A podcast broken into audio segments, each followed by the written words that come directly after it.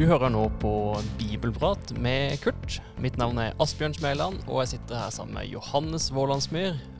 Og vi skal snakke om Matteus, kapittel 19.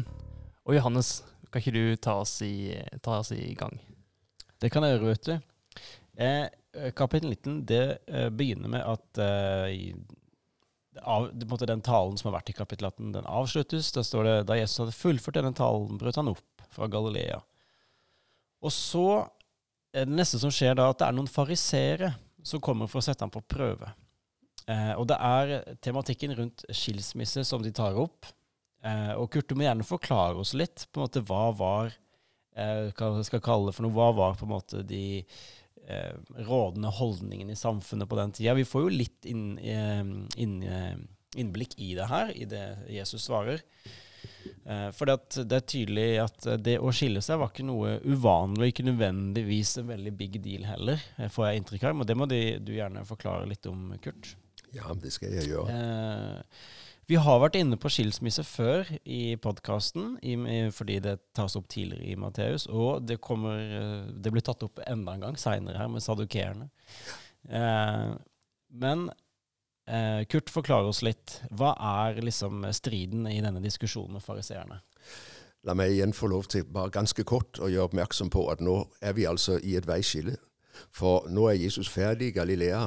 Fra nå er han på vei til Jerusalem mot den stille uken. Vi kommer dit i kapittel 21, men kapittel 19 og 20 er altså på en måte beretninger fra reisen fra Galilea gjennom Jordandalen til Jerusalem. Og Det er veldig interessant at Matteus har to kapitler. Lukas han begynner allerede i slutten av kapittel 9 å dra mot Jerusalem. Ifølge uh, Lukas evangeliet så er hele avsnittet fra slutten av kapittel 9 frem til kapittel 19 og 21 det er altså reiseberetninger. Så her er det en veldig tydelig forskjell mellom Lukas og Matteus, bare så det er sagt. Eh, I eh, jødedommen på Jesu tid så er det to skoler, Hillel og Shammai. Og den ene skolen, Hillel-skolen, den er meget liberal. Hvis kona svir sausen, så er det skilsmissegrunn. Uh, Shammai han er mye strengere. Han sier det at den eneste grunn til skilsmisse, det er at den ene ektefellen er utro. At mannen altså holder seg med en annen dame. Ellers så er ikke skilsmisse tillatt. Så den diskusjonen, den går. Øh, man er ikke i tvil om at skilsmisse er lovlig, for ifølge Moseloven 5. Mosebok 24 så har Moses sagt at når en mann skiller seg, skal han gi sin kone skilsmissebrev, så hun er fri til å gifte seg om igjen. Øh, man skal vite om hennes status, så ikke hun er bundet av det ekteskap hun er kastet ut av. Og Det skyldes selvfølgelig at det er mannen som skiller seg, det er ikke kvinnen, for hun hadde ikke myndighet til det. Det er ham som har myndigheten. Men øh, der er det jo altså at man vil ha Jesu mening. Er du Hillel-tilhenger, eller er du Shammai-tilhenger? Og Jesus han skjer igjen igjennom, akkurat som i begynnelsen av kapittel 18. Han snudde hele eh, spørsmålsstillingen. Hvem er størst? Nei, hvem er minst? Eh, så sier han nå ja, men dere tar feil. Gud sier ikke ja til skilsmisse. Skilsmisse er grunnleggende i strid med Guds vilje, for Gud skapte oss til å høre sammen. Han skapte dem til mann og kvinne og til et livsvarig ekteskap. Så Jesus avviser i utgangspunktet hele deres grunninnstilling. For for dem er skilsmisse noe selvsagt. Det skal det ikke være, sier Jesus. Når du har lovet et menneske troskap, så skal du bli hos det mennesket inntil døden skiller dere. Eh, og i dag er vi jo nødt til å understreke igjen at det Skriften sier ja til, det er samlivet mellom én mann og én kvinne. I en tid hvor man har sagt ja, i, også i kirken, til samkjønnet ekteskap, så er det altså interessant å se at det er ingenting i Skriften som gir grunnlag for det. Tvert om. Både Første Mosebok, eh, skapelsesberetningen og Jesus her Matthæus og Paulus i 1. Korinterbrev 7. Alle sier de den ene mann og den ene kvinne, det er Guds gode ordning for samliv. Uh, vi kan like det eller la det være, men det er slik Skriften taler. Og um, I den sammenheng så er det altså Jesus egentlig avviser skilsmisse og sier vers 8 Han svarte fordi dere har så harde hjerter, har Moses tillatt dere å skilles fra konene deres, men fra begynnelsen av var det ikke slik. Jeg sier det, den som skiller seg fra sin kone av noen annen grunn enn hun og gifter seg med en annen, han begår ekteskapsbrudd. Og Så er det helt tydelig at Jesus fastholder det han har sagt allerede i bergprekenen i kapittel 5. Altså Den eneste gyldige skilsmissegrunn det er at den ene allerede har brutt ut av ekteskapet, nemlig ved å drive hår med en annen. Det er ekteskapet ramlet sammen. Så, så, det er veldig interessant at bortsett fra hors, for, for hors skyld, så sier Jesus et nytt ekteskap, det er egentlig et ekteskapsbrudd. Mm. Og det fascinerende her er jo reaksjonen til disiplene. Mm. For de sier da er det slik mellom mann og kvinne, da er det bedre å ikke gifte seg. Så det her gikk tydeligvis inn på disiplene. Det hadde de ikke forventa. De er solide Moses' disipler. De har altså oppfattet Moses, og det er jo det Jesus sier, de har oppfattet Moses feil. Ja. For det at han har gitt ordningene om skilsmissebrev, det er egentlig en nødordning. Det var ikke meningen. Men, men han måtte sørge for å regulere dette. ikke sant? Så, så for dem er det et sjokk at Jesus fastholder eh, skapelsesberetningens troskap mellom den ene mann og den ene kvinne. Og så kommer noen vers her som er litt sånn der tåkete, om jeg kan si det sånn. Og så, for da sier Jesus eh, i, i, fra, vers, eh, fra vers 11 her Dette er noe ikke alle kan ta til seg, men bare de som det er gitt. For noen er evenukker fordi de er kommet slik fra mors liv, andre fordi mennesker har gjort dem til evenukker. Men det er også noen som har gjort seg selv til en evenukk for himmelrikets skyld. La den som kan ta dette til seg. Altså Det første vi må spørre om, hva er en evenukk? En evenukk er en som er kastrert. Eh, Det var vanlig i datidens harem når eh, disse konger og fyrster hadde masse av koner. Vi leser om Salomo, han hadde 700 koner og 300 medhustruer, så han hadde litt å ta vare på. Og det gjorde kongen selvfølgelig ikke. Eh, Da hadde man altså folk som skulle sørge for å sende disse damene inn til kongen i god eh, orden. Og de var som regel kastrert. Det var mannfolk. Men for at de ikke skulle forgripe seg på de kvinner som var kongens, eh, så kastrerte man dem, så de ikke kunne ligge med disse kvinnene. Eh, Så eh, i apostelgjerningene 8 er det veldig interessant, for der møter vi jo altså denne hoffmannen fra Kandage, Etiopias dronning, som har vært i Jerusalem for å tilbe. Nå er han på vei hjem. Og Vi leser om den kongelige embetsmann, men det som står på grunnteksten på gresk, det er den kongelige evnukken. Han som er embetsmann hos dronning Kandake, han er kastrert, sikkert for at han ikke skal forgripe seg på dronningen. Man kan ikke risikere at noen lekker seg med henne som ikke skal, og dermed har man kastrert dem. ikke sant? Men er, er poenget til Jesus her altså en person som ikke har uh, lyst på samliv? Som ikke har mulighet for samliv. Ikke har mulighet? er det som ja, er poenget? Jesus sier det er tre grupper her som, uh, som kan stå av fra ekteskap. Det er de som er født sånn at de rett og slett ikke er i stand til å leve sammen med noen. Det skjer jo at folk er født med uh, handikap, også når det gjelder kjønnsorganer. Slik at de altså ikke har mulighet for å leve sammen med noen. ikke sant? Jeg vil tro i dag at man kanskje kan operere, men det kunne man i hvert fall ikke den gang. Den andre gruppen det er dem som da er kastrert av mennesker, ikke sant? sånn som disse som er satt til å ta ansvar for harem. Og så åpner Jesus for en tredje gruppe, at noen altså av seg selv eh, velger for Guds rikes skyld å avstå fra å leve sammen med andre. Og Det er veldig nærliggende da å tenke på 1. Korinterbrev 7, og Paulus taler om dette med eh, hvor han selv tydelig er ugift, og anbefaler andre å gjøre det samme med tanke på at Herrens gjenkomst for, står for døren, så de kan bruke all sin kraft på å spre evangeliet. ikke sant? Eh, og så sier han samtidig, men den som ikke er i stand til å leve slik, han bør heller gifte seg. For det er ikke godt at folk går hjem og går rundt og er i brynde og forgriper seg, ikke sant? fordi de ikke har fått avløp for sin seksualdrift. Så eh, Paulus anbefaler ekteskapet som en normal løsning, men sier han, kan du leve ugift, så kan det være til beste for deg selv med tanke på Herrens gjenkomst, den trengselen som kommer, og med tanke på det å tjene evangeliet. Så det fins mennesker som altså rett og slett har valgt ekteskapet bort for å bruke all sin tid til å utbre evangeliet. Og det er noe ikke alle kan ta til seg, sier Jesus. Det er ikke noe du skal velge av deg selv. Hvis Gud fører deg slik, ok, men, men ikke eh, overvurder din egen mulighet til avholdenhet. Er mye bedre å ha orden på seksualiteten ved å gifte seg enn ved å være viltløpende. Så forteller eh, Matteus oss videre at de brakte små barn til ham for at han skulle legge hendene på dem og be, men disiplene viste dem bort. Da sa Jesus, la de små barna, barna være, og hindre dem ikke i å komme til meg, for himmelriket tilhører slike som dem. Og han la hendene på dem. Dette er jo en tekst som ofte blir lest i sånn dåpssammenheng, men er det egentlig en, er det egentlig en dåpstekst? Ikke i utgangspunktet. Eh, Du vet, Kristendåp skjer ikke før etter pinsedag, når Ånden er kommet. Eh, Johannesdåpen eh, den er innen den gamle pakts ramme. I den nye pakt så døper man. Men, men eh, på dette tidspunkt er den kristne dåpen enda ikke innstiftet. Den innstiftes i forbindelse med misjonsbefalingen. ikke sant? Så dette er en tekst om Jesu forhold til barna. Og jeg tror det viktige poenget det er barna er likeverdige borgere av Guds rike. Likeverdige med de voksne. Og vi har ofte hatt en tendens til å nedvurdere barna og si at de må først bli store. Eh, heldigvis så ser vi jo i dag at barn får lov å gå til nadver, og at de blir regnet med som likeverdige menighetslemmer. Det skulle bare mangle. Jesus har jo sagt det. La de små barn komme. Hindre dem ikke.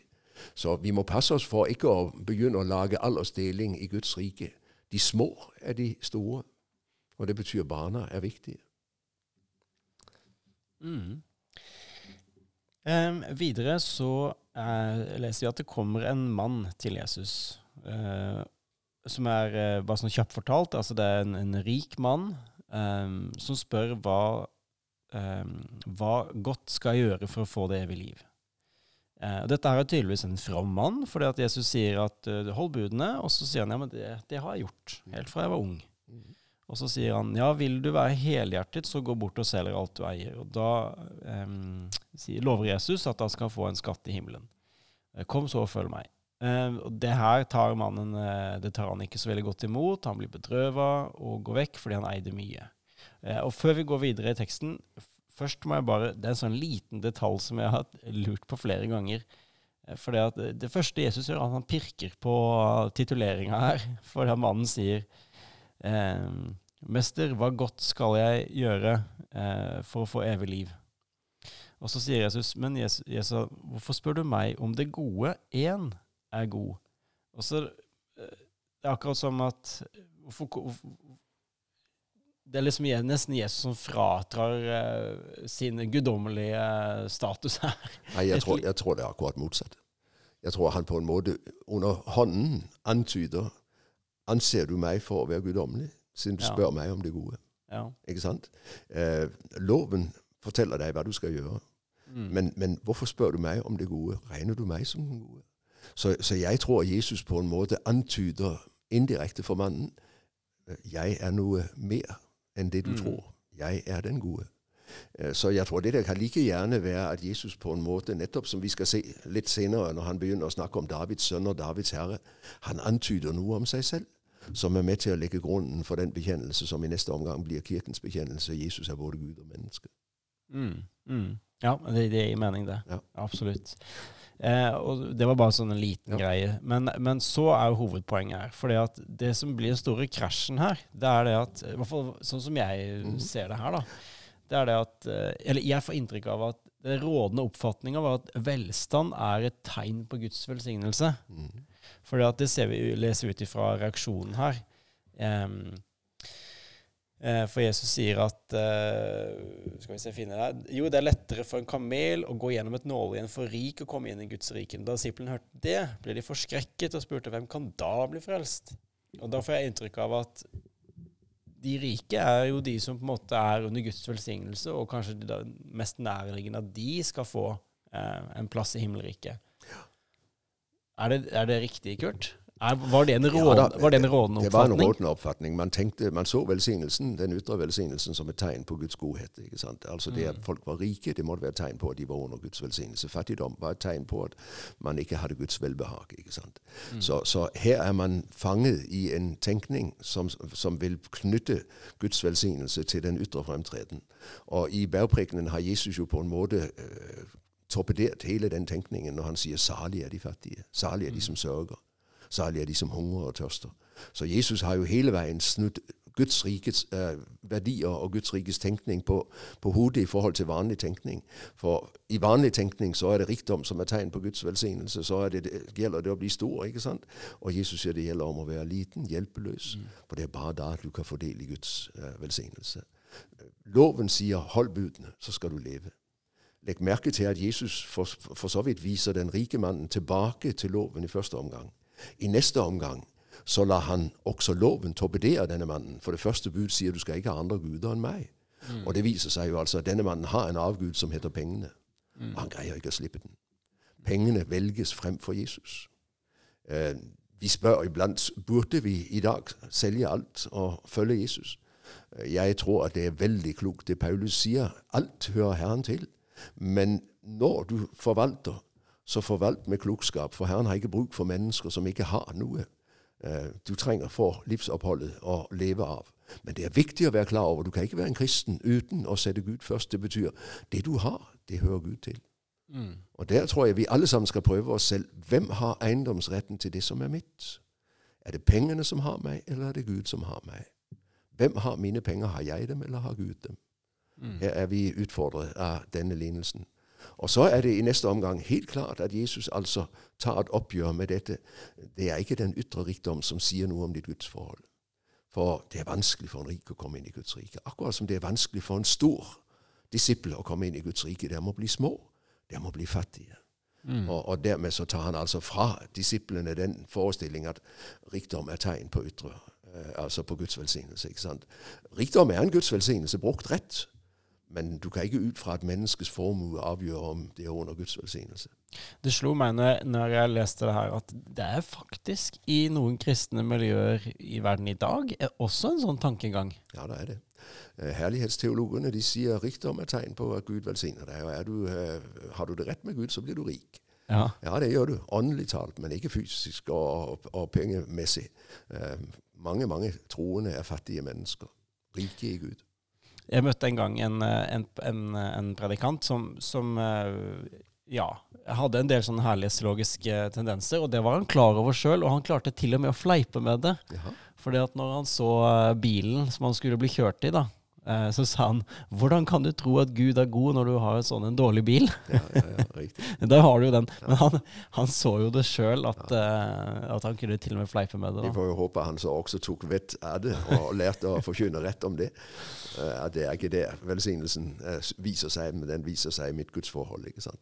Eh, Det som er viktig også, det er å få tatt knekken på den der gamle myten om denne porten i Jerusalem som skulle være nåløyet.